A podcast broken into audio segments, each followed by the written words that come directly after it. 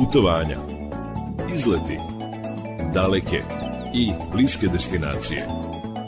Četiri strane sveta na jednom mestu. Peta strana sveta.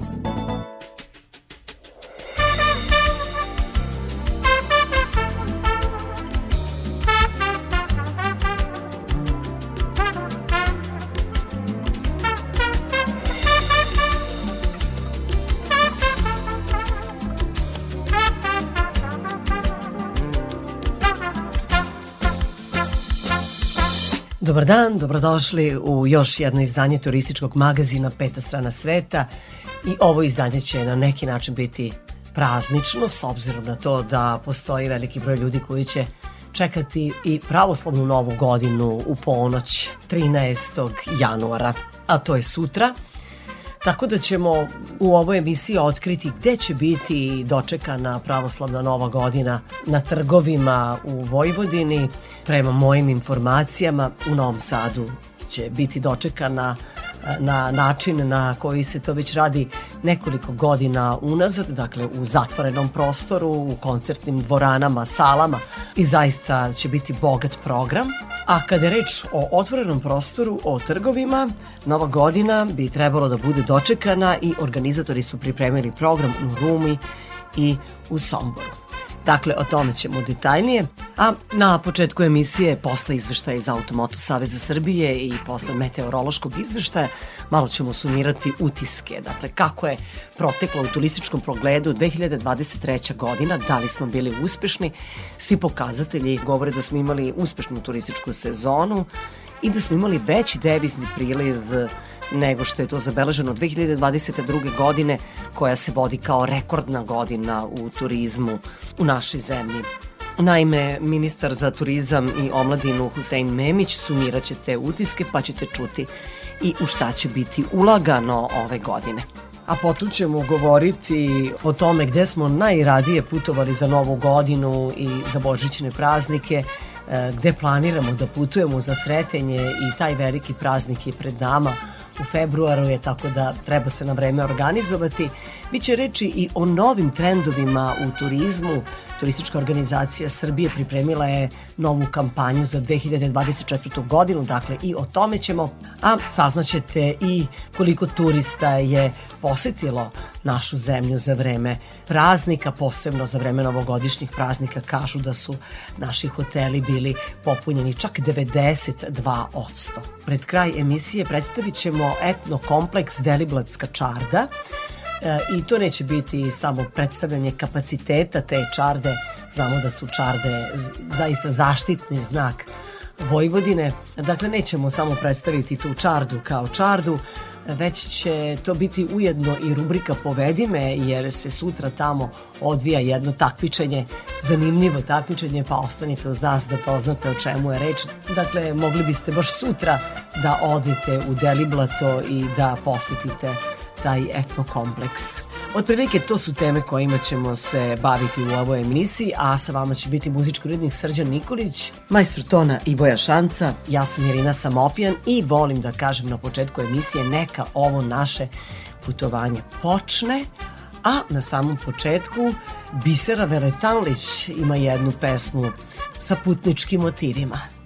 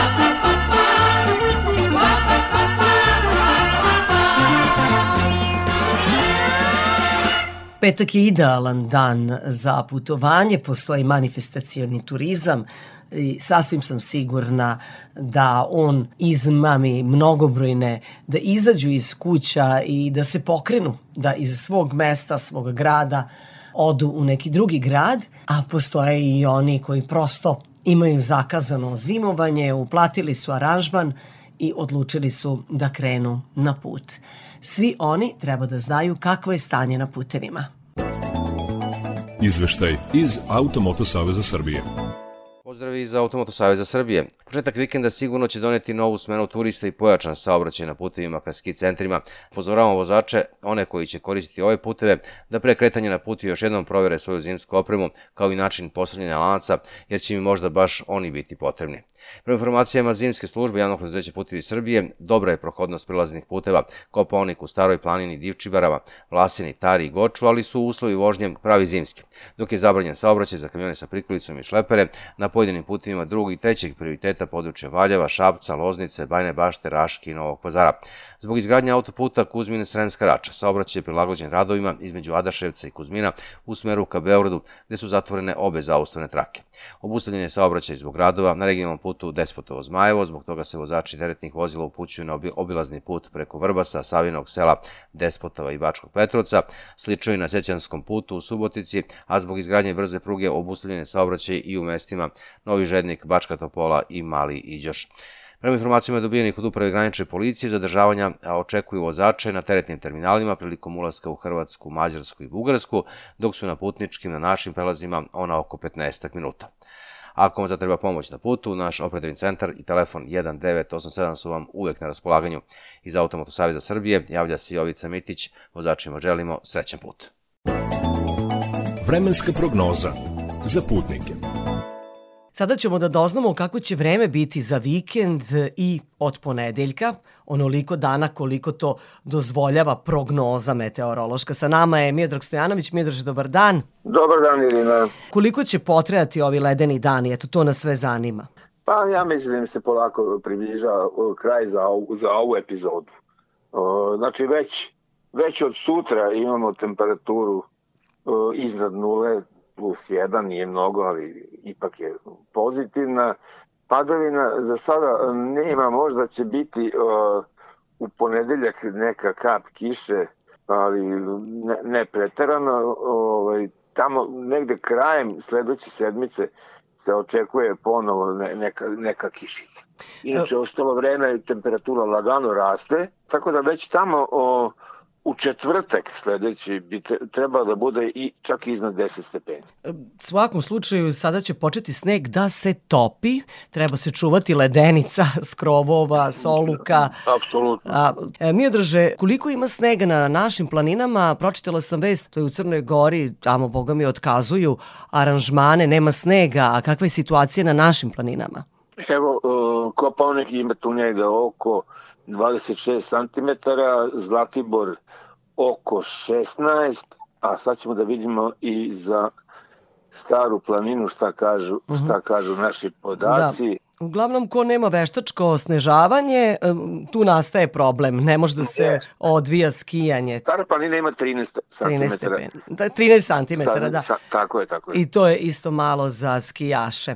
Ali zato za pešačenje, za neku uživanciju, za čist vazduh, planina Ja- uvek dobro doći. Ja sam saznao za, za novu disciplinu zimskog uživanja, to je takozvano krpljarenje. Da, znam šta su To je krplje. meni novo, ali meni to novo, ali sam čuo od, od mlađih osoba da je to fantastično. To da se ne propada kroz sneg, jel tako? Krplje se stavljaju na krp- cipel. Da, da, da, da, i onda se lepo se šeta, oni ko ne zna da se skija ili ne, zbog nečega ne može, ovo je, je sledeća stvar koja može da se, da se praktikuje Da. u tokom zime. Krpljarenje, e, baš tako se Tako kaže. sam čuo, tako sam čuo. Miodraže, ovo je sad onda pravi trenutak da pustimo Tombela Než. Rekli smo kad napada onako malo deblji sneg da možemo da napravimo Sneška Belića, nebitno da li malog ili velikog, ali napravljen Pa da. je. Može da se Naravno. napravi još. E, sigurno još danas. E, onda ćemo, tako smo rekli, pustiti Tombela Než, dakle na francuskom pada sneg i to je jedna od naših omiljenih zimskih pesama, e, vaših i mojih, ako se ne varam, Tako tako? tako je, tako je, tako je. Hajde onda da uživamo uz Tombela Než. Sve najbolje želimo našem meteorologu. Miodragu Stojanoviću. Tombe la neige, tu ne viendras pas ce soir.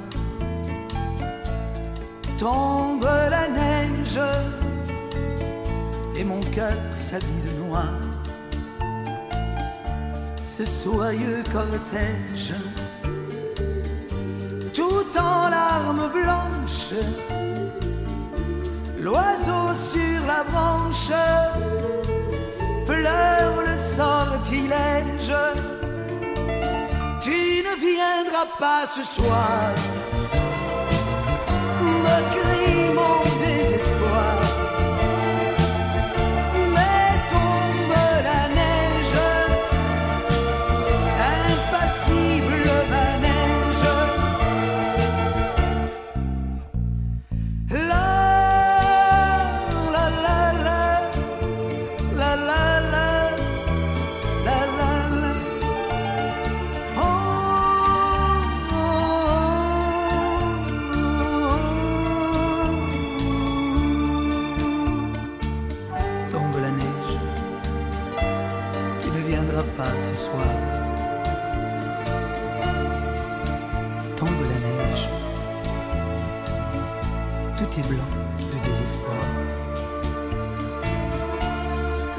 Triste certitude, le froid et l'absence, cet odieux silence, blanche solitude, tu ne viendras pas ce soir, me crie mon désespoir.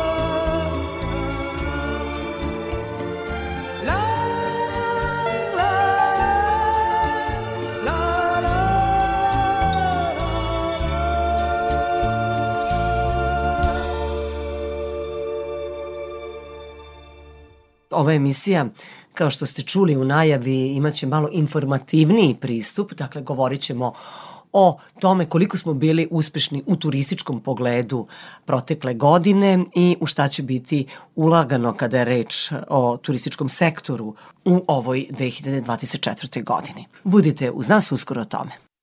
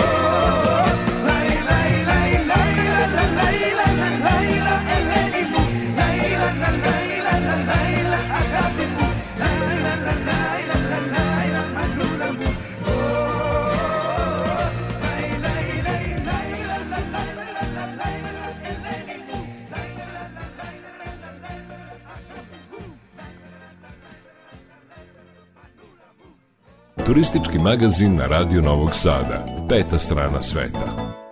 Srbija je u prvih 10 meseci prošle godine ostvarila devizni priliv od turizma u iznosu nešto većem od 2 milijarde evra, što je za 4% više nego 2022. godine, koja je do tada važila za rekordnu u turizmu. Turizam se u Srbiji nalazi na uzlaznoj putanji, zato što se u taj sektor poslednjih godina veoma mnogo ulaže, tvrdi ministar za turizam i omladinu Husein Memić. I to je zapravo doprinalo i to što smo mi u poslednjih deset godina puno uložili na infrastrukturi, povezali smo destinacije turističke, približili destinacije jedna drugoj. Srbija je zapravo postala za deset godina jedna destinacija u kojoj je lako otići sa mesta A do tačke B. Uloženo je jako puno novca u izgradnju autoputeva, brzih saobraćajnica. Mi smo, idemo sa novim budžetom koji će biti za jednu trećinu veći, 2,5 milijardi. Sigurno će biti dosta novca. Evo idemo sa voucherima milijardu dinara iz tekuće rezerve. To je nakon ovih 2,5 milijarde za subvencionisani odmor u Srbiji. Podigli smo sa 5.000 na 10.000 vouchere. Očekuje se da će, kada je reč o stranim gostima u ovoj godini, najviše deviznog priliva doneti kineski turisti, kaže Memić.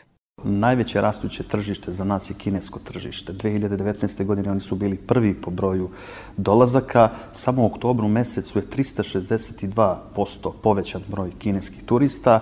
Rezultat toga jesu i uspostavljene aviolinije. Imamo tri linije od eh, Pekinga do Beograda, od Beograda do Pekinga i od eh, Beograda prema Tianjinu. U planu su još dve aviolinije prema Kini, jedna je za uh, Guangzhou, druga je za Šangaj i to će sigurno doprineti da u većoj meri svi se bore za kineske turiste, a mi zaista imamo sad enorman rast uh, kineskih turista. Ja sam dva puta bio u Kini, razgovarao sam i u Tianjinu, razgovarao sam i u Pekingu nedavno, razgovarao sam i u provinciji Shandong sa raznim turoperaterima. Neki su već počeli da nude Srbiju kao željenu destinaciju, i vidite i sami, to je nešto zaista što će uticati na dolazak kineskih turista. Radio Novi Sad.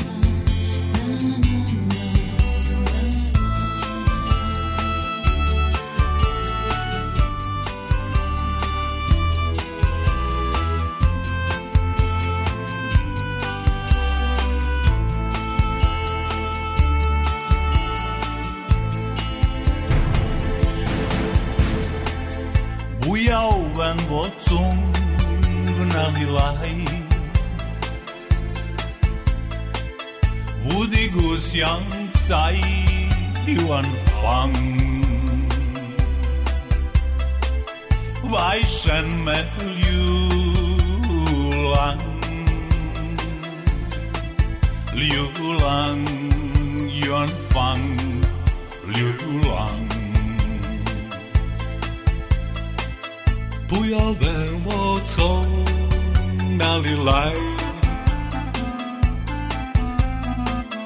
我的故乡在远方。为什么流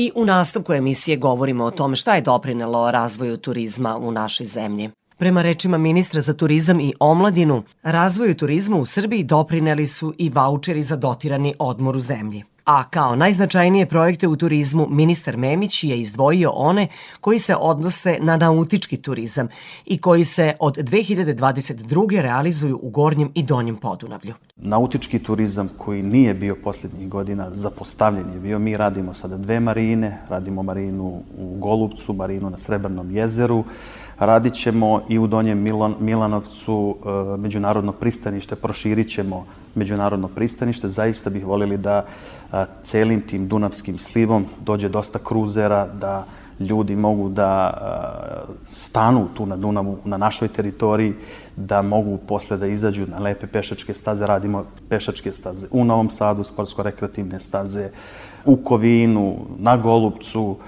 radimo osam projekata, vrednost tih projekata je 16,6 miliona eura. Nastavljamo u 2024. godini. Neki od tih projekata su u prvoj fazi, ali smo rekli da će se puno novca uložiti na toj Dunavskoj magistrali. Turistički bum je poslednjih godina, prema rečima ministra Memića, doživeo i njegov rodni Novi Pazar, gde, kako kaže, dolazi vikendom i svaki put vidi sve više parkiranih autobusa koji prevoze turiste. Mi smo puno uložili u Novi Pazar. Ako se sećate, dali smo veliki novac, 56 miliona dinara za obnovu Altun Alem džamije. Zapravo, cela stara čaršija će, nadam se, grad je e, radi intenzivno na usvajanju studija o saobraćaju, posle toga će se raditi e, projekat Stare čaršije, ali ono što je prvo bilo jeste da smo krenuli od Altun Alem džamije, dali smo i do, novac za e, rekonstrukciju doma u Sopoćenu, to pre sve mi, ga mislim na onaj ugostiteljski deo, dali smo za crku Varvara koja je isto jako može biti velika turistička atrakcija. Ministar turizma i omladine Husein Memić naveo je i to da je ministarstvo koje vodi lane doprinelo i na unapređenju društvenog života mladih u Srbiji. U tom pogledu obezbeđen je novac za četiri omladinska centra i izgrađeno je deset kancelarija za mlade. Peta strana sveta. Ostanite uz nas e, da čujete gde smo najradije putovali za vremenovogodišnjih i božićnih praznika – i koje destinacije su u planu stanovnicima naše zemlje gde bi da putuju za stretenje.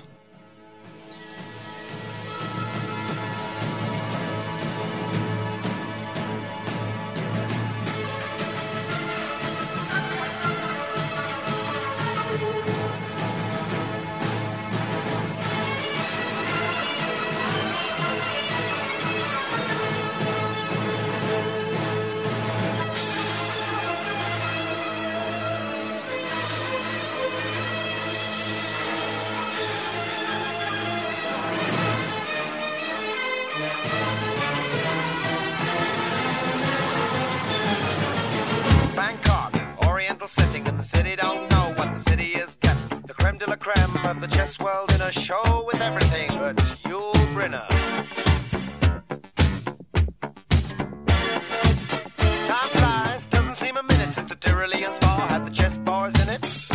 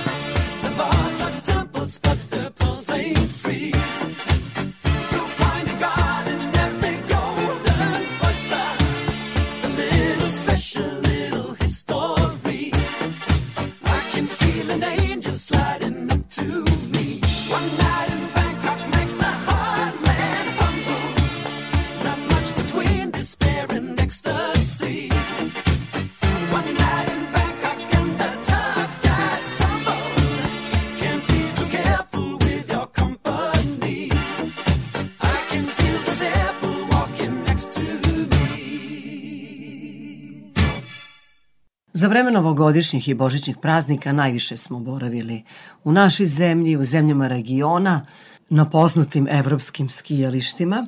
Birali smo Portugal, Španiju, Italiju i to su bile neke naše najomiljenije turističke destinacije u ovo doba godine. A posle novogodišnjih i božićnih praznika, udarni termin u zimskoj turističkoj sezoni odnosi se na dane kada se praznuje državni praznik Sretenje, odnosno Dan državnosti Srbije. Direktor Nacionalne asocijacije turističkih agencija Aleksandar Seničić kaže da je popunjenost domaćih kapaciteta na planinama na zavidnom nivou. Naši turisti zainteresovani su i za planine u drugim zemljama. Ove godine mi volimo turistički radnici da kažemo lepo nam pada, dakle pada je negde sreda, četvrtak, petak, subota i nedelja, dakle bit će tu veliki broj aranžmana svakako, pre svega za skijanje, to sezona je skijanja, dakle u našoj zemlji to su Kopaonik, Stara planina, Zlatibor, Divčibare, e, Rudnik, dakle sve ono što je zanimljivo ljudima, oni koji imaju e, želju da provedu sa porodicom, to su ove nešto niže planine, skijaši naravno na ove dve glavne destinacije, uz Jahorinu koju doživljavamo kao svoju planinu.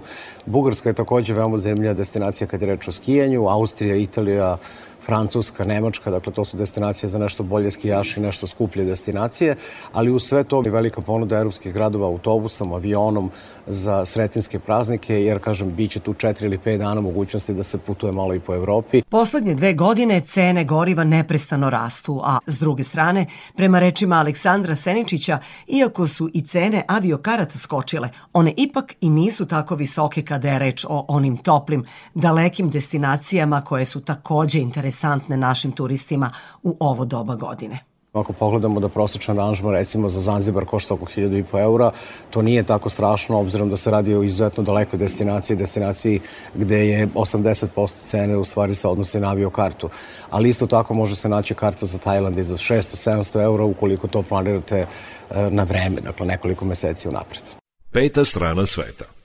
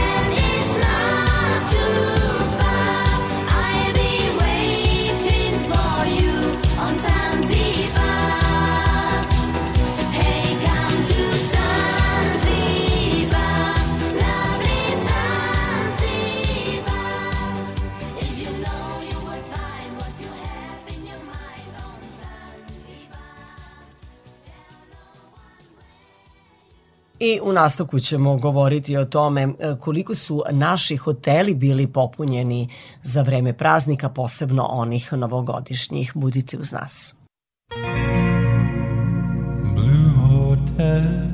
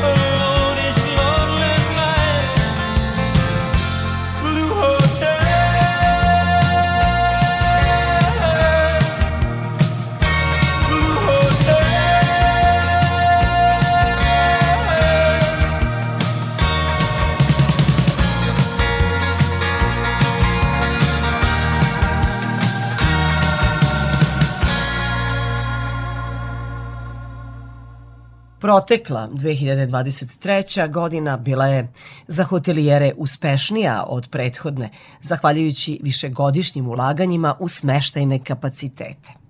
Ograničavajući faktor ekspanziji hotelijerstva u narednim godinama mogao bi da bude nedostatak kadrova. To je ocenio direktor Horesa, odnosno poslovnog udruženja hotelsko-ugostiteljske privrede Srbije, Georgi Genov. Sa njime je razgovarao Đuro Vukjelić. Gospodine Genov, da li su hotelijeri Srbije uspeli da po broju dolazaka i noćenja uspešnu godinu krunišu popunjenošću kapaciteta tokom ovih praznika? Pa jesu, naravno da je tradicionalno zapravo je, su hoteli puni svi u Beogradu i Novom Sadu i u svim gradskim hotelima, ali uglavnom i u planinskim i banjskim centrima, tako da smo veoma zadovoljni. Naravno, Beograd je beležio čak preko 92% popunjenost smeštenih kapaciteta, e, najveći broj je bilo stranih turista, takođe i u Nišu, tako, ovaj veliki broj turista iz Bugarske je bilo. Novi Sad tradicionalno i iz Bosne i Hercegovine i iz naravno Makedonije iz drugih država regiona, tako da ne možemo da kažemo sve u svemu, nego moramo reći da smo zaista zadovoljni sa dolaskom kada su u pitanju novogodišnji praznici. Ako bi mogli da rezimiramo kraju celokupnu ovaj godinu, ovo je bila dobra godina, čak i više od dobro, obzirom da avio saobraćaj se povećao, Air Srbija je linije, otvorila nove destinacije, tako da je bila i značajna popunjenost u hotelima u ovim atraktivnim turističkim destinacijama. Mi očekujemo da ćemo preći 22. godinu na ka negdje 13,5 do 14 miliona, što je izuzetno impozantan podatak. Ovde se svi trude i hotelijeri i turističke organizacije i država naravno nastoji da stvori ambijent kako bi se dobro poslovalo i kako bi ovaj, mogli da funkcionišu hoteli. Koliko na ovakve rezultate utiču višegodišnja ulaganja i sve bogatija ponuda hotelijera? Pa jeste, mi smo dogurali već do 440 hotela i normalno je da posljednjih, možemo slobodno reći, deseta godina da je hoteljerstvo doživjela renesansu, da je toliko novih objekata, čak preko 100 hotela novih je izgrađeno sa četiri zvezdica i pet i sam kvalitet i gradnje i standardi na osnovu koji su se gradili hoteli sigurno da zadovolje nivo evropski u narednih pet godina, tako da svo ulaganje koje je bilo od strane privatnog biznisa, ja verujem da se isplatilo, bez obzira na COVID koji smo imali i te probleme, ali smo veoma najbrže izašli iz tih problema i ovaj, nastavlja se dalje sa gradnjom novih hotela i u Beogradu i u Nišu, vidim pomalo u Novom Sadu, što bi trebalo mnogo više da bude e, smeštenih jedinica otvoreno kada je Novi Sad konkretno u pitanju, s obzirom da je i pola sata do Beograda i pola sata do aerodroma, dakle sve predispozicije su date za dolazak turista i, njihovo interesovanje za boravak u, konkretno u Novom Sadu, pošto razgovaramo za, za radio TV Novi Sad. Šta bi trebalo naprediti kako bi hoteli bili još popunjeniji, a prihodi veći? Pa ono što je bitno, naravno, pored te promocije koja ide i, i cena je konkurentna u odnosu na evropske turističke destinacije. A ono što nastaje problem, to su ljudski resursi, kvalitetni kadrovi, dakle mi imamo kvalitetne hotele, ali je pitanje koliko smo mogućnosti da zadovoljimo standardima kada je u pitanju radna snaga, što će zahtevati i edukaciju, vidim da i krenuo i uvoz radne snage, što nisam do kraja zadovoljan s obzirom da imamo mogućnost da iškolujemo kvalitetne kadrove da odgovore našim potrebama naše ugostinskoj privredi. Nadajmo se da će i taj problem biti rešen na adekvatan način i da Pa će... morat ćemo, morat ćemo zato što ide Expo 27 gde moramo svi biti spremni ovaj, za takvu izložbu, za, ta, za domaćinstvo takvog događaja. Tako da to pitanje moramo što pre da rešimo. Tu i država, a mora i poslodavci kada su u pitanju plate koja je osnovni razlog za čega neko radi. Tako da uz angažovanje i obrazovnih institucija mislim da ćemo uspeti da te kadrove obezbedimo i da nadalje krenemo ovaj, sa razvojem turizma u Srbiji. Naš sagovornik bio je direktor poslovnog udruženja hotelsko-ugostiteljske privrede Srbije Horeca Georgi Genov. Georgi, hvala vam za razgovor. Hvala i vama. Peta strana sveta.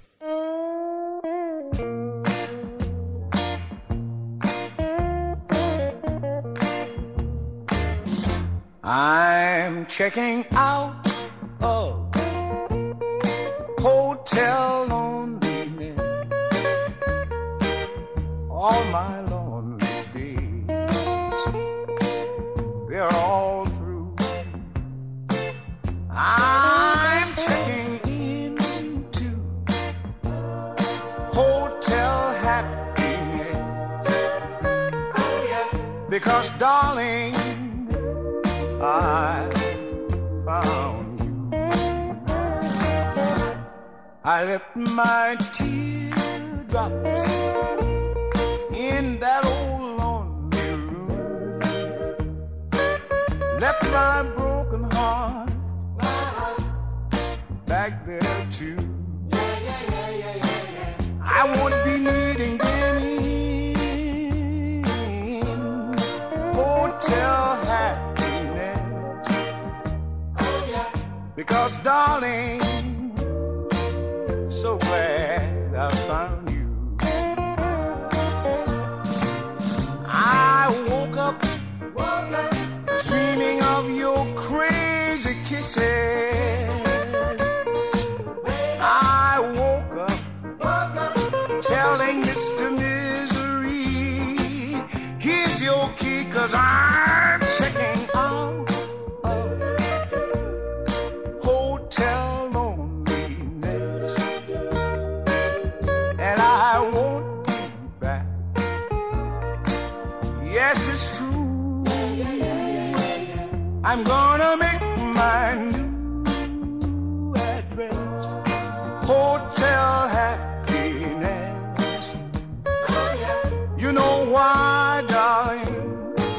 so glad I found you. Now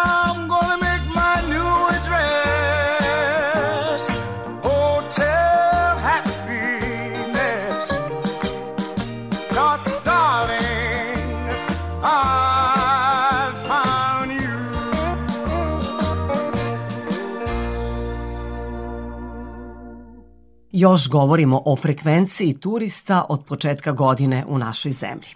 Aleksandar Seničić, direktor Nacionalne asocijacije turističkih agencija ili direktor Jute, kaže da je za vreme novogodišnjih praznika u Srbiji boravio veliki broj stranih turista. Čini mi se da i za nas koji se ovim poslom bavimo iznenađujuće da su određeni strani gosti dolazili na neke destinacije gde ih ranije nismo viđali. E, Nekako su prednjačili, čini mi se, bugarski gosti koji su ranijih godina u desetinama hiljada boravili pre svega u istočnoj Srbiji ili u jugoistočnoj Srbiji. Ove godine smo ih viđali u Beogradu, u okolini Beograda, u Novom Sadu, bilo ih oko 6000 u Vrnjačkoj vanji, bilo ih na Zlatiboru, na Koponiku, dakle, e, počeli su da putuju više po Srbiji, što je svakako dobra vest. Osim njih, tu je bilo i grčkih turista jako puno, imamo inače tradicionalno veliki broj turista iz Turske, tako je bilo i za Novu godinu, obzirom da imamo izuzetno frekventan saobraćaj, e, avio saobraćaj između Srbije i Turske, ali najveći broj gostiju naravno dolaze iz zemalja iz okruženja, sve zemlje bivše Jugoslavije nekako u ovim periodima i raspusta đačkih, ali i Nove godine i Božića borave, vole da borave u Srbiji. Tako je bilo i ove godine.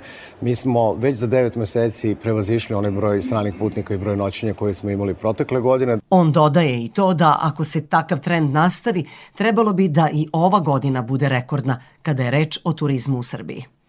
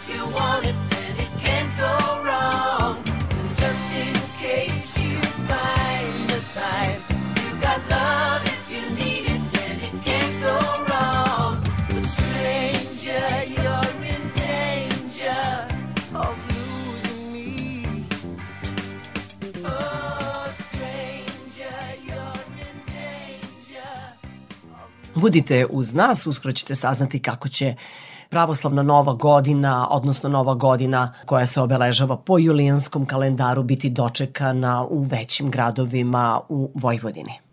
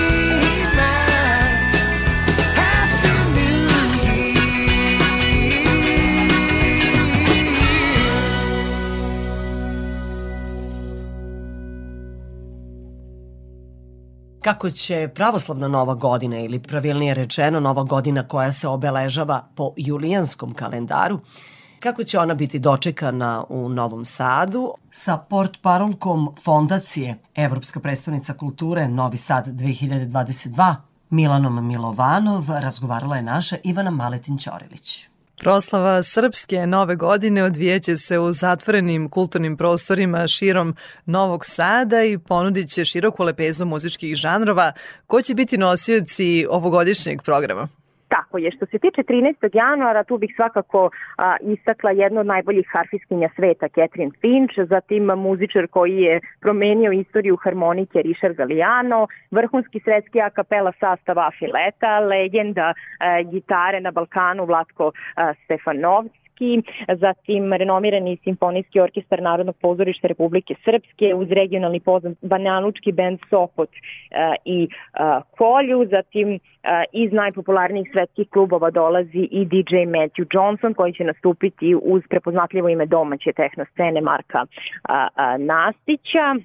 E, potom e, stižu nam i e, predstavnici domaćeg progresivnog alternativnog zvuka Kanda Hođa i Nebojša koji će nastupiti u nešto drugačijem aranžmanu, odnosno u unplugged verziji, zatim avangardno portugalska fado diva Šisela Joaoa i novosadski Bing Band i gosti koji će nam doneti sjajne zvuke najvećih hollywoodskih a, filmova i jugoslovenskih a, a, filmova i broj drugi, dakle lista je zaista velika, sve se nalazi na sajtu dočekns.rs, pa verujem da svi mogu da pogledaju. Ono što je važno da kažemo jeste da su programi kao i prethodnih godina 31. decembra besplatni, dok će za 13. januar ulaznice svi zainteresovani moći da pronađu na prodajnim mestima Geeksixa i online na njihovom sajtu. Peta strana sveta.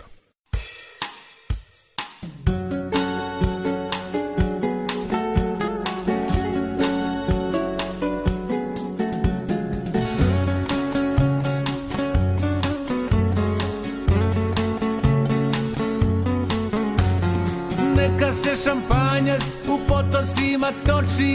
Neka budu srećne tvoje oči Neka ti u krilo sleću ptice. Neka ti je uvek nasmejano lice. Dugine boje i plodovi mora Nek ti uvek sviće ružičasta zora. Neka ti vetar mrsi kose A talasi miluju noge bose. Želim ti, želim sve najbolje u nekoj novoj ljubavi. Da ti se greška kao ja više ne ponovi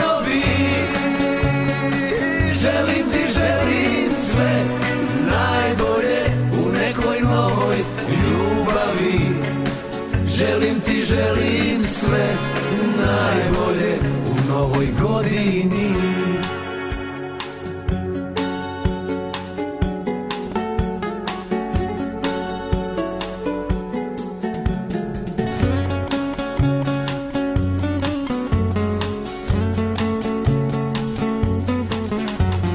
Takav je život, šta da se radi Nekad smo bili, više nismo treba misliti na budućnost Jer sada samo prošlost mi smo Dižem ovu čašu u tvoje ime I predlažem ti, zaboravi me Popi i ti jednu u ime moje. I budi srećna za oboje Želim ti, želim sve najbolje u nekoj novoj ljubavi. Da ti se greška kao ja više ne ponovi. Želim ti, želim sve najbolje u nekoj novoj ljubavi.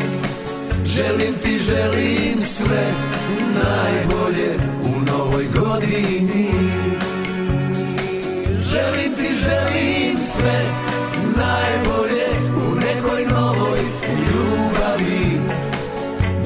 se greška kao ja.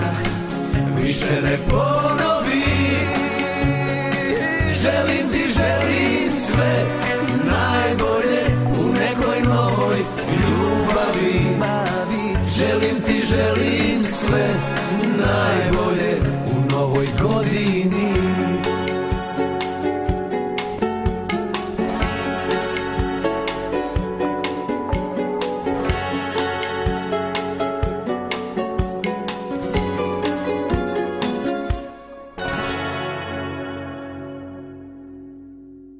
Sa nama je Marija Ćujić, ona je direktorka turističke organizacije opštine Ruma. Marija, dobar dan. Dobar dan i veliki pozdrav za sve vaše slušatelje. Mi zovemo iz Radio Novog Sada da saznamo šta će Mhm. to biti kod vas u Rumi za novu godinu, zato što je zovu Srpska nova godina ili pravoslavna Mhm. nova godina, uglavnom nova godina koja se obeležava po julijanskom kalendaru. Rekli ste da će biti potpuno drugačija od ove Tako je. međunarodne nove godine koja je bila u narodnom duhu, jel mogu tako da Jest, kažem. Sve na jeste. čelu sa Mitrom Mirićem, a da vidimo šta će sada biti. E, kao što e, smo sad već navikli na naše bogate programe, e, 31. smo imali narodni spektakl, odnosno spektakl narodne muzike i renomiranih izvođača, a e, za doček nove godine po julijanskom kalendaru ili pravoslavni ili srpske, također imamo bogat program sada u potpuno drugom e, maniru. E, rock i- izvođači, e, naš lokalni bend Freddy Kruger koji 20 godina već e, čuva rock scenu Rume, nastupa od 19 časova, zatim sledi Kragujevačko-rumski bend Epilog koji nastupa od 21 čas, a potom zajednički program e, Ivane Peters, našeg možda i najboljeg ženskog vokala i Đorđa Davida, također dugogodišnjih izvođača ove vrste muzike, tako da nas očekuje još jedan bogat program na Gradskom trgu u Rumi za doček 13.1. Da, a u koliko časova da budemo u Rumi? Pa od 19 časova počinje, dakle, prvi band, e, prvi Freddy band nastupa, Kruger. tako je, Freddy Kruger od 19 časova e, i također onda se smenjuju, znači 21 čas, naredni band i 22 i 30 Ivana Peters i Đorđe David. Oko ponoći nas očekuje Moleban, Vatromet, zatim nastavljaju Ivana i Đorđe, tako da dobrodošli ste opet u Rumu. Jeste li ostavili kućice u kojima se prodaje toplo kuvano vino, Jesmo. rakija, raznorazni Jesmo, suveniri? Da, da, tako je, ostavljene su i kućice, to sve traje u okviru rumske zimske čarolije sve do 15. januara, kao i klizalište, besplatno klizalište za decu i naravno odrasle koji žele da se pokažu i na ledu.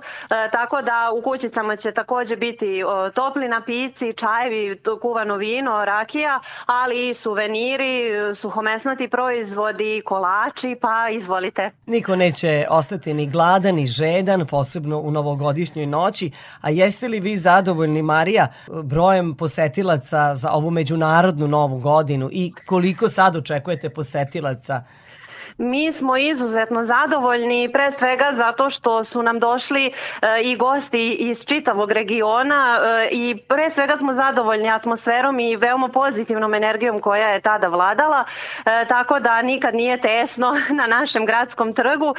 Sada isto očekujemo pa do 5000 ljudi posetu i nadamo se i očekujemo i da će naši hoteli smešteni kapaciteti opet dobro raditi, restorani i da će to sve zajedno biti up- upotpuniti doček i dobar ulazak u 2024. godinu. Jesu li Rumljani pripremili nešto posebno kada je reč o turističkim atrakcijama? Možda imate neki specijalan plan za ovu e, novu 2024. godinu? Imamo planove, e, pre svega će se to odno- odnosi se na naše izletište Borkovac gdje se radovi nastavljaju, e, zatim na kuću Mileve Marić gdje je jedan deo života ona živela i porodica Marić dakle provela e, nekoliko decenija ovdje tako da želimo da evociramo uspomenu, da sačuvamo uspomenu na tu veliku naučnicu i njenog brata e, i to su neki samo kapitalni projekti plus nove manifestacije e, već od februara nas očekuje e, rumske priče o ljubavi i vinu, a zatim i prolećni trg i tako dalje sve do kulturnog leta i nastavljamo. Tu mi je baš zanimljivo. Kada padaju te rumske priče o ljubavi i vinu? E, pa mi ih planiramo naravno za 14.2. gdje ćemo spojiti dva praznika e, jer inače Ruma je sklona da organizuje manifestacije koje veličaju to bogatstvo različitosti e, i, i spajaju i, i e, ve- verske praznike po katoličkom i po pravoslavnom kalendaru e, pa ćemo i ovog puta to uraditi. Kolege iz muzeja će nam preneti kakve su to priče bile kroz našu istoriju lokalnu e, i mi ćemo ulepšati trg, opet će biti muzika, naravno bit će vino, fruška gora, kako već to priliči i dolikuje, tako da se nadamo da će i ta naša nova manifestacija zaživeti i da će biti interesantna. Dakle, prvi put će biti održana ta manifestacija sad u februaru. Jeste, jeste, prvi put, tako da, a onda kažem, zatim nastavljamo i sa prolećnim trgom koji vezuje opet nekako veliča uskršnje praznike. Veoma lepe informacije imate i ohrabrujući za turizam vašeg kraja i zaista moram vas pozvati kad se približi taj 14. Jel, e, da vidimo kako će izgledati ta manifestacija i da možda čujem nekoga iz muzeja vašeg pa da Mhm. podrobnije objasni jer su Naravno. oni inicijatori, inicijatori te manifestacije. Da, E, pa mi smo inače smo o, volimo da da razmenjujemo naša dobra iskustva i znanja jer zajedno onda imamo još bolje programe tako da rado sarađujemo sa ostalim kolegama i kažem stvaramo neke dobre priče evo ovog puta i rumske priče o ljubavi i vinu a vi ne samo da pozovete nego i da posetite. E, to bi bilo najbolje, verujte mi. Marija, i to bih zaista najviše i volela. Sve najbolje i da, da, da smo živi i zdravi i da se čujemo Hvala. malo češće i da bude dobrih manifestacija i za turiste veoma privlačnih priča i da dolazimo što češće u Rumu, a ja Srem Hvala. stvarno najviše volim od svih ovih delova Hvala, hvala i mi uvek obećavamo i dobar provod, ali i dobru hranu i piće i sve ostale dobre priče koje idu uz turizam i uz Rumu. Dobrodošli. Hvala vam, Marija. Sve Hvala. najbolje želimo. Hvala takođe. Hvala. Mariji Ćujić, koja je direktorka turističke organizacije opštine Ruma. Peta strana sveta. Dugo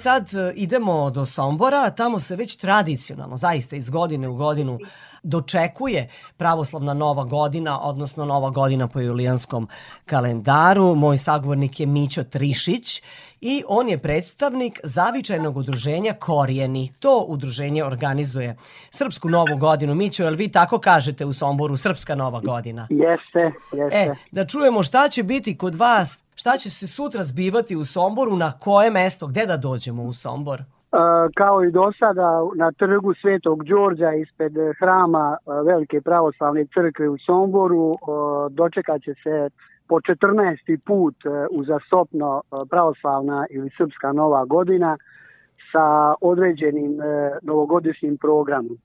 Program počinje u 20 časova Nastupit će najpre izvorne grupe iz Čonoplje i iz Brestovca, a potom nastupaju oko 9.30 nastupa grupa Sinovi Manjače. To je sve- to je sve etnomuzika. ćemo pos- jeste, goste ćemo poslužiti kao i do sada sa toplim nap- napitcima, čajem i kuvanim vinom. I e, mogu samo da evo pozovem znači e, sve naše građane i sve naše simpatizere da dođu na doček, do, ovaj, doček će biti ovaj, sigurno jer Ksinovi manjače će napraviti pravu atmosferu. E sad, kako, da- Mićo, kako to izgleda kod vas? Da li ljudi zaigraju kolo? Da li se zagrle pa za, zapevaju one pesme e, za koje nije potrebna muzika, već se prosto pevaju bez muzike? Dakle, kako, kako to izgleda? Približite nam malo. Ovo je uglavnom znači e, uz program, znači muzika je tu, osnovno igra se i kolo normalno, čestita u, u, u 12 sati, to je sve klasično, tako da pjeva se i ako muzika pauzira, mada muzika ne pauzira u ovom slučaju, tako da do pola jedan znači traje program, tako da I neprestano se peva do pola jedan. neprestano se igra, pjeva i to je to. Odakle očekujete posetioce? Odakle će sve doći ljudi na vaš doček nove Pa godine? uglavnom znači iz Sombora i ostali okolni mjesta i, ovaj, e, Sombora, znači okolni mjesta Čonoplja, Rastina, e, Gakovo, Kljajićevo i Zapatina svakako ovaj, jedan deo već je se najavio, tako da eto, to je, Region, znači, hoće li biti iz Jest. regiona? Pa pozvat ćemo Savez Krajišnika, bit će i pozvani, znači sva udruženja, mi smo u grupi, znači već smo to poslali, tako da vidjet ćemo da li će neko iz Novog Sada, odnosno iz udruženja Krajišnika doći. E, Novi Sad je karakterističan u celoj zemlji našoj po tome, zato što se u Novom Sadu slave dve nove godine. Dakle, i međunarodna i ovo po julijanskom kalendaru. E, A vi, Mićo, jeste li vi čekali tu međunarodnu, a sad ćete i ovu... e, Jeste, u Somboru se slavi znači jedna Isto i druga dve. nova godina. Kako je osnovano zavičajno udruženje Srba Korijeni, znači to je pre 16 godina, počeli smo slaviti Srpsku pravoslavnu novu godinu, do tada se dugo, dugo godina nije ovaj, javno slavilo u Somboru, ali ovaj sada uzastopno, znači već evo, 14. put, odnosno 16 godina, kaže jer dve godine nismo zbog covida mogli da ovaj, Kao i svi, e, da. javno, ja, jeste, ja kao i svi. Mićo, e, sve najbolje vam želim, da smo živi i zdravi i živeli za kraj. E, hvala lepo. Sa nama je bio Mićo Trišić, a on je član zavičajnog udruženja Korijeni, a to udruženje, čuli ste, 14 godina već organizuje doček nove godine po julijanskom kalendaru u Somboru. I eto, naredne godine očekujemo poseban spektakl. Sve najbolje, Mićo, još jednom. Doviđenja, prijatno. Peta strana sveta.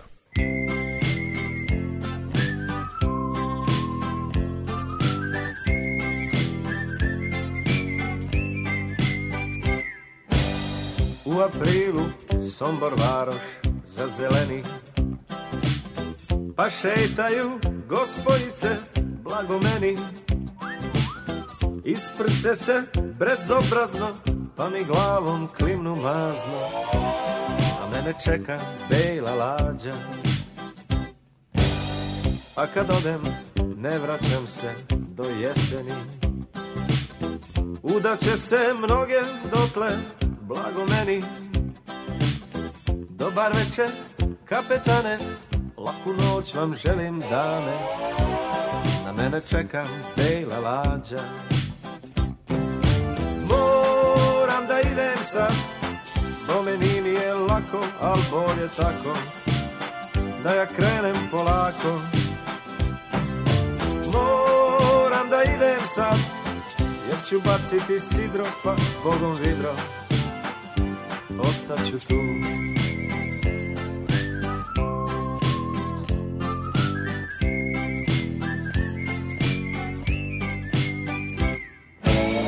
Od Zemuna do Pasove voda peni.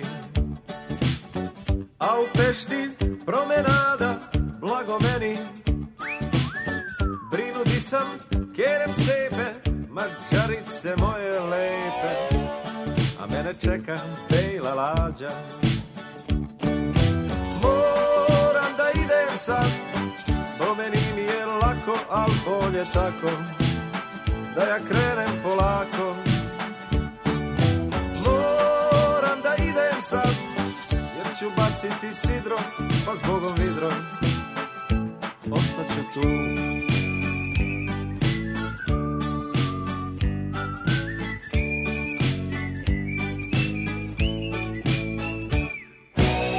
U aprilu sam se sombor zašareni Od šešira raznoraznih blagomeni I frajlica što ih nose Nasmešene zlatokose A mene čeka bela lađa. Moram da idem sad Do meni je lako, al bolje tako Da ja krenem polako. Moram da idem sad Jer ću baciti sidro pa zbogom vidro Ostaću tu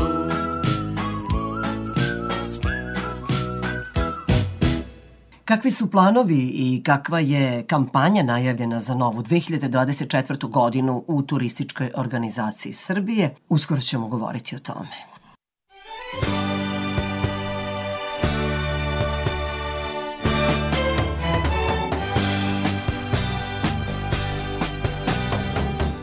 Live each day as if it was your last day here on earth.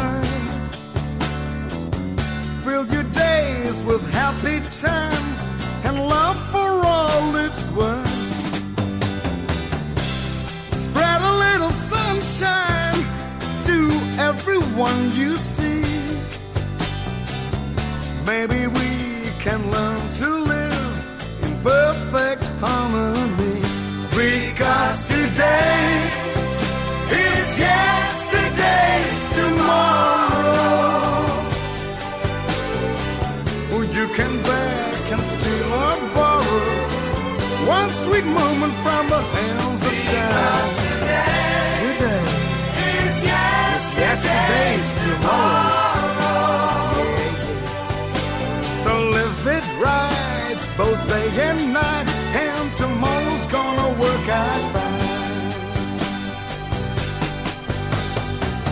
Is being born somewhere, an old man soon will go. And in between the two of them, there's all the life they know. Have you share of laughter? Filled your days with love. Then one day you'll find, my friend, one life is enough. Because today is yesterday's tomorrow. Oh, you can bet, you can steal or borrow one sweet moment from the hands of time. Today It's yesterday's tomorrow. You can sing about it, children. So live it right, the day and night, and tomorrow's gonna work out fine. We'll give him some.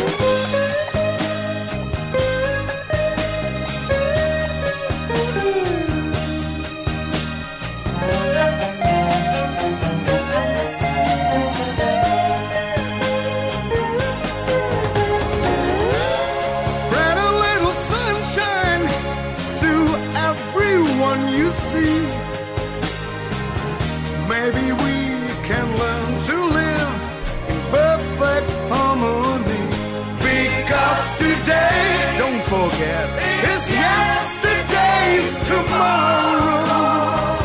Ooh, yeah. Well, you can beg, can steal or borrow one sweet moment from the hands of time.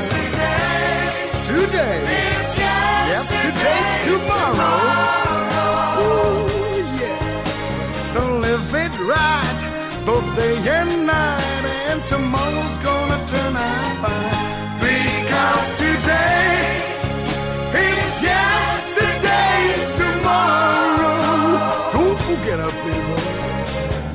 You can't beg, you can't steal or borrow. One sweet moment from from a handsome town. Because today is yesterday's tomorrow. So live it right, both day and night,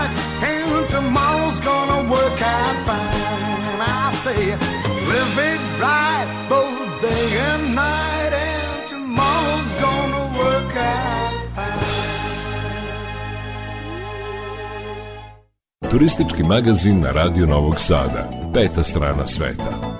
Sa novom godinom dobijamo i nove tendencije u turizmu, odnosno u turističkom sektoru. Aktivan odmor i turizam koji vodi računa o očuvanju lokalne zajednice trendovi su u savremenom turizmu. Zbog toga u Turističkoj organizaciji Srbije najavljuju da će svoju kampanju u ovoj godini bazirati na tim orijentacijama turista. Pojedinosti Slobodan Vidović. Svaka nova godina je novi izazov i u turizmu koji prati sve trendove kako u marketingu, tako i u onome što turisti očekuju i šta traže od destinacije. Ove godine akcenat će biti na online kampanjama jer se više od 80% turista upravo kroz online komunikaciju odlučuje za destinaciju na koju će da putuje, kaže direktorka Turističke organizacije Srbije Marija Labović. Dodaje da neće izostati ni tradicionalne kampanje u medijima, na televiziji i radiju, i najavljuje još neke od aktivnosti. Takođe ćemo raditi a, veliki broj studijskih poseta, dovodit ćemo puno novinara, dovodit ćemo puno influencera za nas najznačajnijih emitivnih tržišta. Takođe ćemo organizovati i brojne događaje u inostranstvu na kojima ćemo predstavljati Srbiju kao turističku destinaciju, različite B2B događaje gde ćemo spajati naše turističke privrede i svakako ćemo akcenat staviti na aktivan odmor, na boravak u prirodi, na naše kulturno-istorijsko nasledđe, jer to je ono što turisti traže kada biraju destinaciju. Razvoju turizma u Srbiji ove godine svakako će doprineti i vaučeri za subvencionisani odmor, tim više što je iznos na njima povećan sa ranijih 5.000 na 10.000 dinara. Pored toga što su dodatno omogućili domaćem stanovništvu da provede odmor u Srbiji i da, da produži boravak na destinaciji zahvaljujući vaučerima, takođe su skrenuli pažnju i smeštenim kapacitetima, stimulisali ih da se oni kategorišu, da se registruju i na taj način smanjili sivu ekonomiju, tako da verujemo da je ova mera jako dobra i da će dati i 24. godine izuzetne rezultate. U prvom krugu biće podeljeno 100.000 vaučera, a za njih mogu da se prijave i oni sa primanjima većim od 70.000 dinara. Prijavljivanje na šalterima pošta počinje od ponedeljka 15. januara. Peta strana sveta.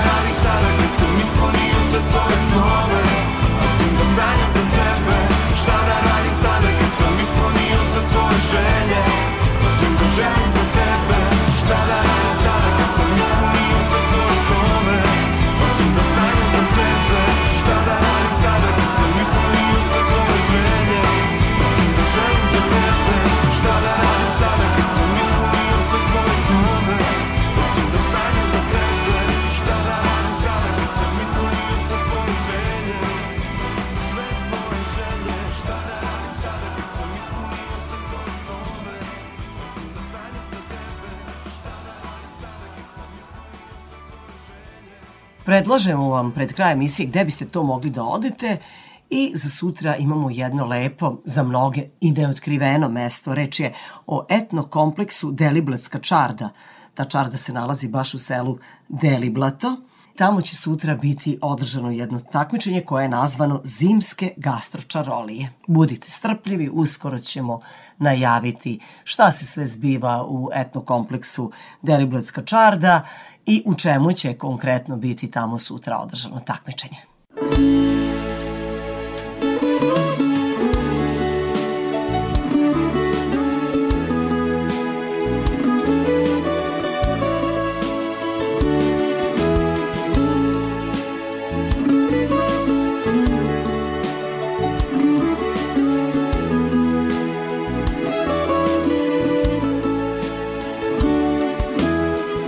Zavejan je put za salaš moj Prođe maj i nesta ptica boj. Vratiti se neću moći Ne mogu tom stazom proći. Zavejan je put za salaš moj Vratiti se neću moći ne mogu tom stazom proći Zavejan je put za salaš moj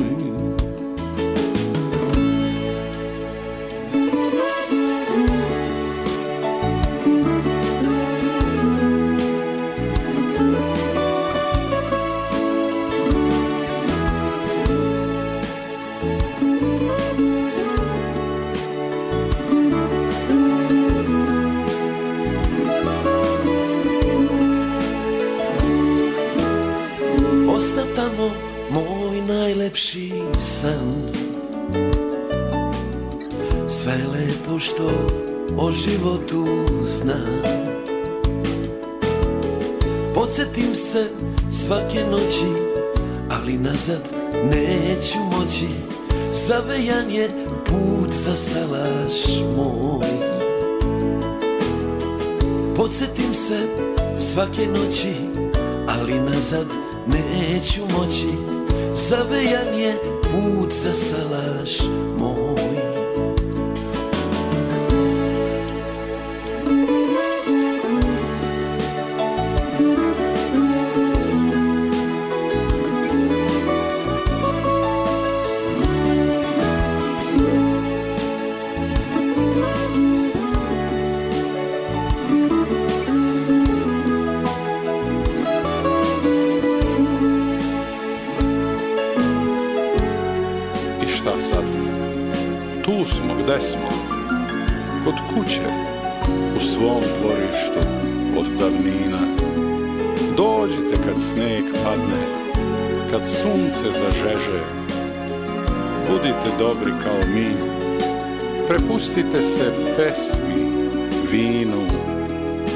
Samo nam ne dirajte Vojvodinu.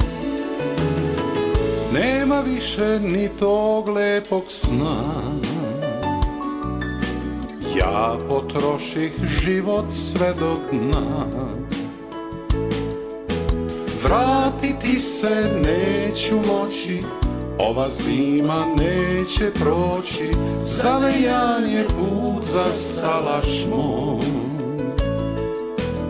Vratiti se neću moći Ova zima neće proći. Zavejan je put za salaš Zavejan je put za salaš Zavejan je put za salaš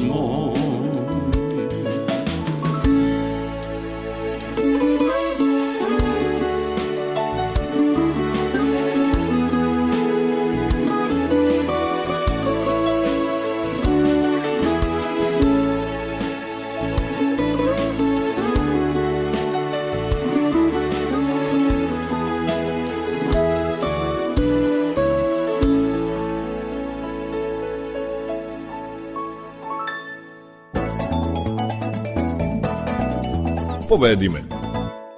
Kada sam bila u Deliblatu, snimila sam zanimljivu priču o Deliblatskom jezeru, o specijalnom rezervatu prirode Kraljevac i jezero Kraljevac ili Deliblatsko jezero, to je isto jezero. Oni koji ne znaju kada dođu u Deliblato, to će shvatiti vrlo brzo, ali nije promaklo nešto. Tamo postoji Deliblatska čarda, ali nije to samo čarda, to je etno kompleks Deliblatska čarda. Pored mene je čovek koji je taj kompleks osmislio. Sad ne znam da li ste svojim rukama to i sagradili. Molim vas, predstavite se slušalcima Radio Novog Sada. Petar Stamenović, vlasnik etno kompleksa Delibatska čarda. Uh, jedan kompleks u koji sastoji ima etno restoran sa 60 sedećih mesta, malim smeštenim kapacitetima 20 kreveta i bazenima na otvorenom. Mi, uh, pored te samo naše ponude, radimo kompletno i gotove turističke proizvode. Znači, radimo kompletno okruženje Delibatske peščare, baziramo se na aktivnom odmoru u prirodi, spomenuli ste jezero Kraljevac, Tako je. naravno i Delibatsku peščaru, zatim se bavimo kulturno-istorijskim nasleđe. U klastru Delibatska peščara postoje jedno udruženje ljubitelja Banatske vojne granice, radimo jedan muzej, a, na otvorenom muzej Banatske vojne granice, kultura stanovanja, od vremena naseljavanja ovih prostora, to su zemunice prekrivene trskom, do kuće od naboja prekrivene crepom. I bavimo se gastronomijom kao nematerijalnim kulturnim nasleđem. Izdali smo jednu knjigu u saradnji sa Zavodom za očuvanje kulturnog razvitka Srbije, Ukusi Delibatske peščare. Znam tu knjigu.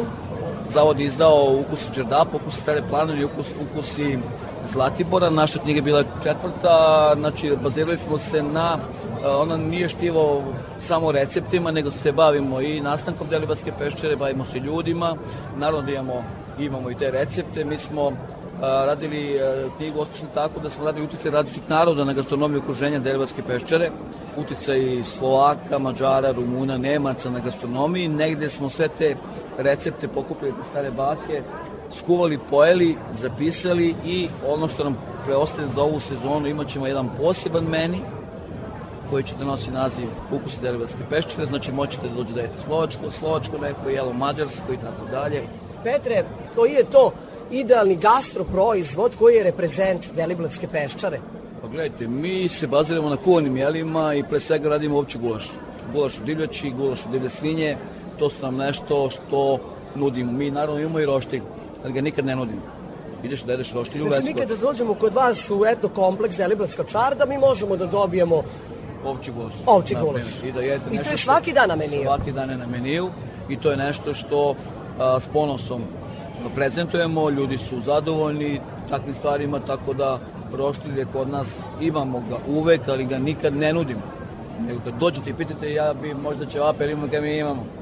Znači, samo ako gost traži, Tako vi ćete reći može, nema Tako je, problema. Tako je, tako Da. je. Znači čorbe, juneća, pileća, čorba riba, čorba riba iz zaštitnog područja jezera Kraljevac, gulaše, rekao sam, sarma, pasulj, carska rebra iz pucača i tako. Eto, na primjer, ja bih rado bila vaš gost, stvarno obožavam ja ću da hranu. pozovem i vas i vaše, i vaše slušalce. Da. 13. januara. Šta će se Na dogoditi? Čardi se dešava zimske gastročarolije. To je fantastično. Znači, Znači, je- možemo da isprobamo ukuse Deliblatskog kraja. Tako je, znači bit će takmičenje u pravljenju kobasica, mesati kobasica i u, u topljenju čvaraka. Da vidimo ko to može da napravi najbolje čvarke. Najbolje čvarke. Tako da, Čvarci su postali zaista delikatesi, tako ih malo ima, sve manje, manje čvaraka, zato što su nam sad ove svinje drugačije, nisu tako Uh, one su mesnatije su, da, nemaju sala. Da, verovatno nemaju toliko puno sala ili masti. Tako je. Pa eto, pozivam vaše slušalci i vas da budete naši gosti. Doći nam a, turističke agencije sa kojima imamo a, sklopljene ugovore, da ih malo još ugostimo. Inače smo, imamo potpisani ugovor sa Budipeštanskom prirodnom komorom. Radimo turizam za njih, za Vojvodinu, celu Srbiju i Republiku Srpsku. Dolaze nam deca iz Mađarske, oni obilaze zemlje bivše Austrougarske i, i ono što hoće da vide kako žive naravno njihovi njihovi ljudi kod nas i, da, i bavimo se Dunavom, obilazimo tu granicu, vekovnu granicu između Velikog otomanskog carstva i Austrougarskog carstva, srednje vekove tvrđave na Dunavu, vožnje brodom, tako da je, imamo kompletne ponude, dođite šta Da, da, vi, vidim, imate veoma mnogo aktivnosti, veoma, veoma mnogo aktivnosti. Jedino zimi što kod vas ne radi, to su ti otvoreni bazeni, a sve ostalo o čemu ste Tako pričali, to postoji može. i u zimskom Tako periodu, da. Etno kompleks Delbarska čarda, evo mogu da se pohvalim da smo u sajmu turizma po povodom 100 godina od osnivanja Novskog sajma dobili tri zlatne medalje i zlatnu paketu za etno kompleks, tako da ljudi su to i prepoznali. Šta ste dobili konkretno, kako se zovu te Zlatna medalje? medalja za pružanje usluga u zaštićenim područjima, zlatna medalja za specifično gastronomiju kao nematerijalno kulturno nasleđe i zapad, zlatna medalja za usluge u turizmu i kompletna plaketa za etno kompleks Za Radio Novi Sad, etno kompleks Deliblatska čarda predstavio je, ali ovo je tek početak, ovo je zaista, samo smo zagrebali malo uh, po toj vašoj da priči. dođete da vidite kako to izgleda, da osetite prirodu, znači dva zaštićena područja na tako jednom malom prostoru, to samo treba da se doživi. Dakle, etno kompleks Deliblatska čarda predstavio je vlasnik tog kompleksa, Petar Stamenović. Peta strana sveta.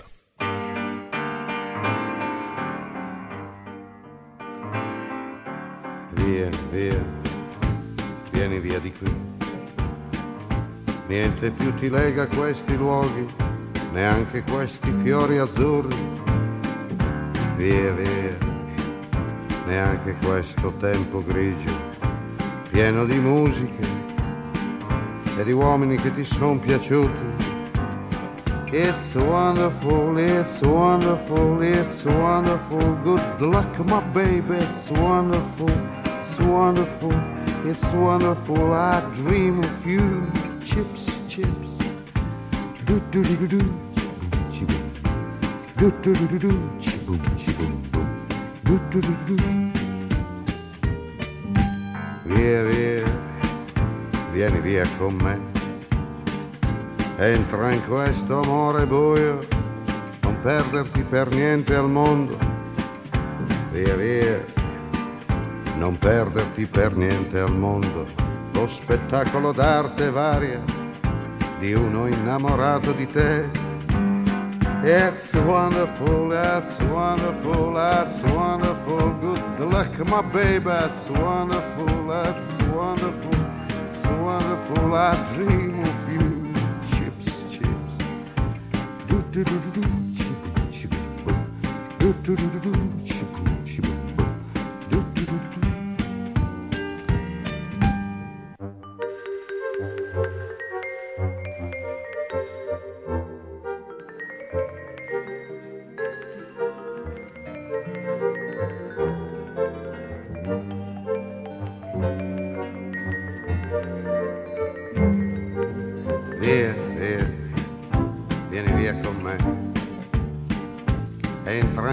Questo amore buio, pieno di uomini.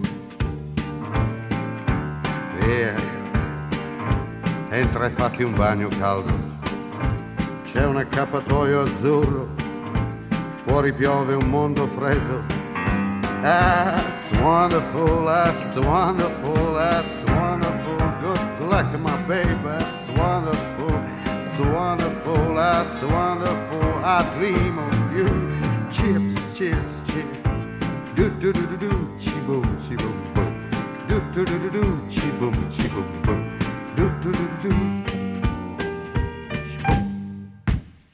Ostanite uz turistički magazin, bližimo se kraju emisije, to znači da će uskoro i 18 časova i vi ćete čuti vesti iz sveta turizma.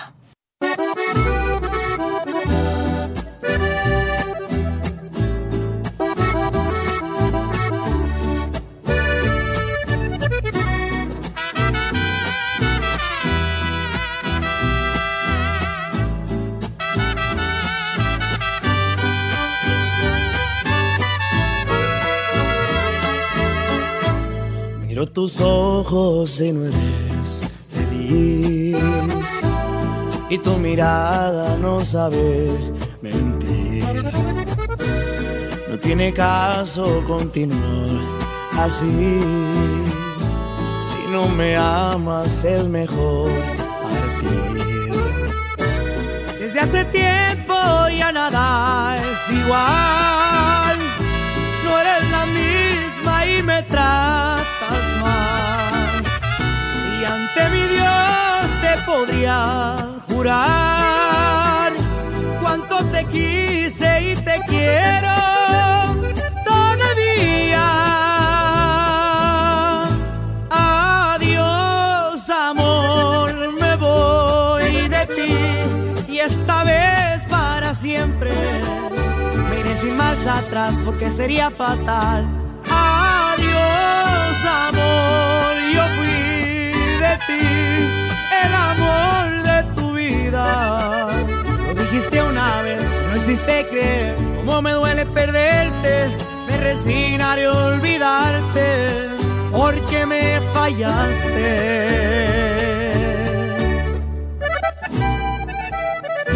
Y ahí nos vemos, mi reina. Cristian Nodal.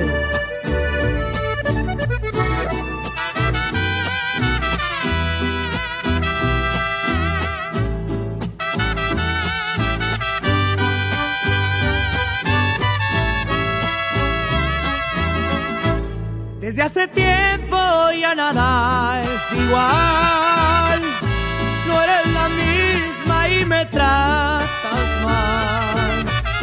Y ante mi Dios te podría jurar cuánto te quise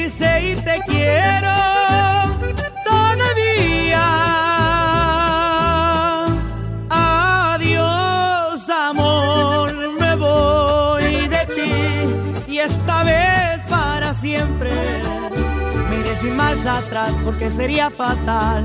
Adiós, amor, yo fui de ti, el amor de tu vida. Lo dijiste una vez, no hiciste creer cómo me duele perderte. Me resignaré a olvidarte porque me fallaste. Porque me fallaste. Porque me fallaste. Turistički magazin na Radio Novog Sada. Peta strana sveta. Evo i vesti iz sveta turizma.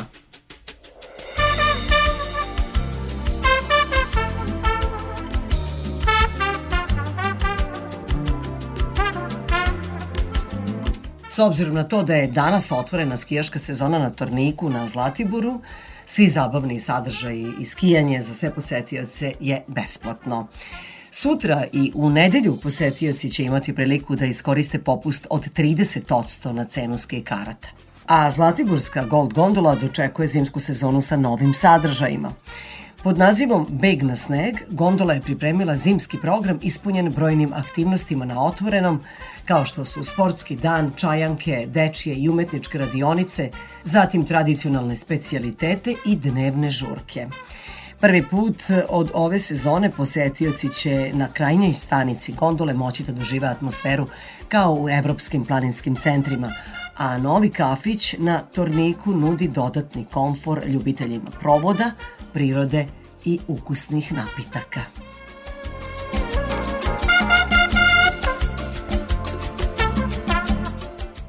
U Parizu su od 1. januara povećane cene boravišnih taksi za turiste. O tome piše kliks.ba. Jedna od najpopularnijih turističkih destinacija na svetu postaje skuplja u oči održavanja olimpijskih igara, tako da su od 1. januara boravišne takse za putovanja više nego udvostručene. Kako navode strani mediji, putnici koji su planirali put u Pariz ove godine treba da budu spremni da plate veće takse za svoje hotelske sobe, ali i ostale alternativne smeštaje. Neke od najvećih turističkih atrakcija u tom gradu takođe povećavaju cene, tako da će od ponedeljka ulaznice u muzej Louvre poskupeti na oko 22 evra. Turistički vodiči u Parizu sada takođe naplaćuju više, a u nekim slučajevima zabeležen je porast od 20% u odnosu na prošlu godinu. Inače, Svetsko veće za putovanja i turizam proglasilo je Pariz najmoćnijim gradskim odredištem na svetu za prošlu godinu.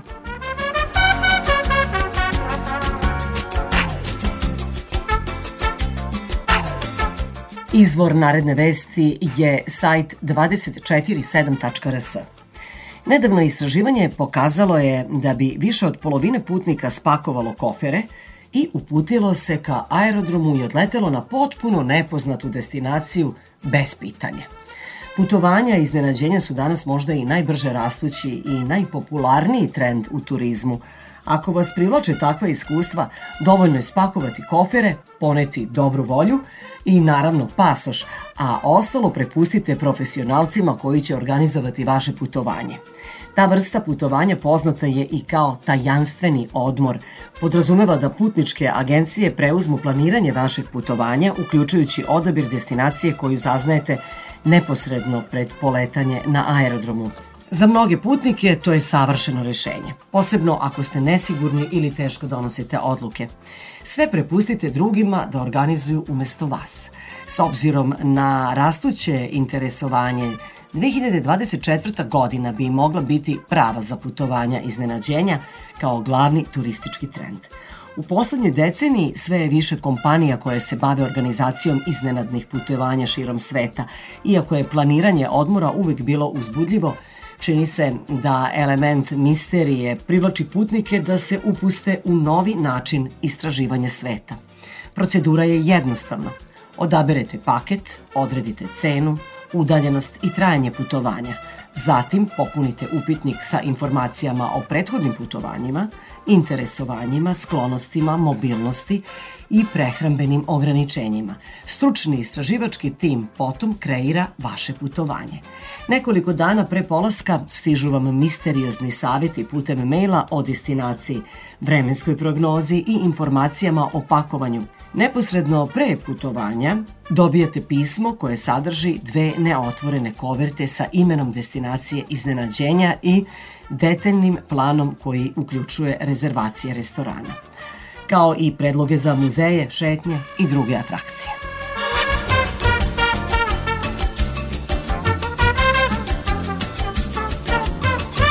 Bilo je to sve poštovani slušaoci što smo vam pripremili u ovom izdanju turističkog magazina Peta strana sveta. U 18 časova su naše najnovije vesti, a potom i naša najstarija muzička emisija Randevu sa muzikom. Ukoliko sutra u ponoć čekate novu godinu po julijanskom kalendaru, mi vam želimo mnogo zdravlja i sreće u novoj godini.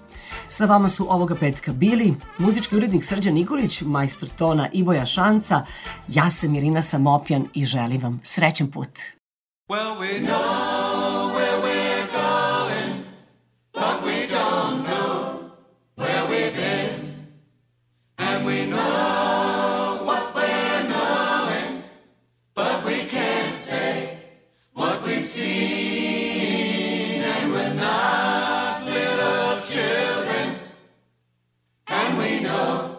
What we want.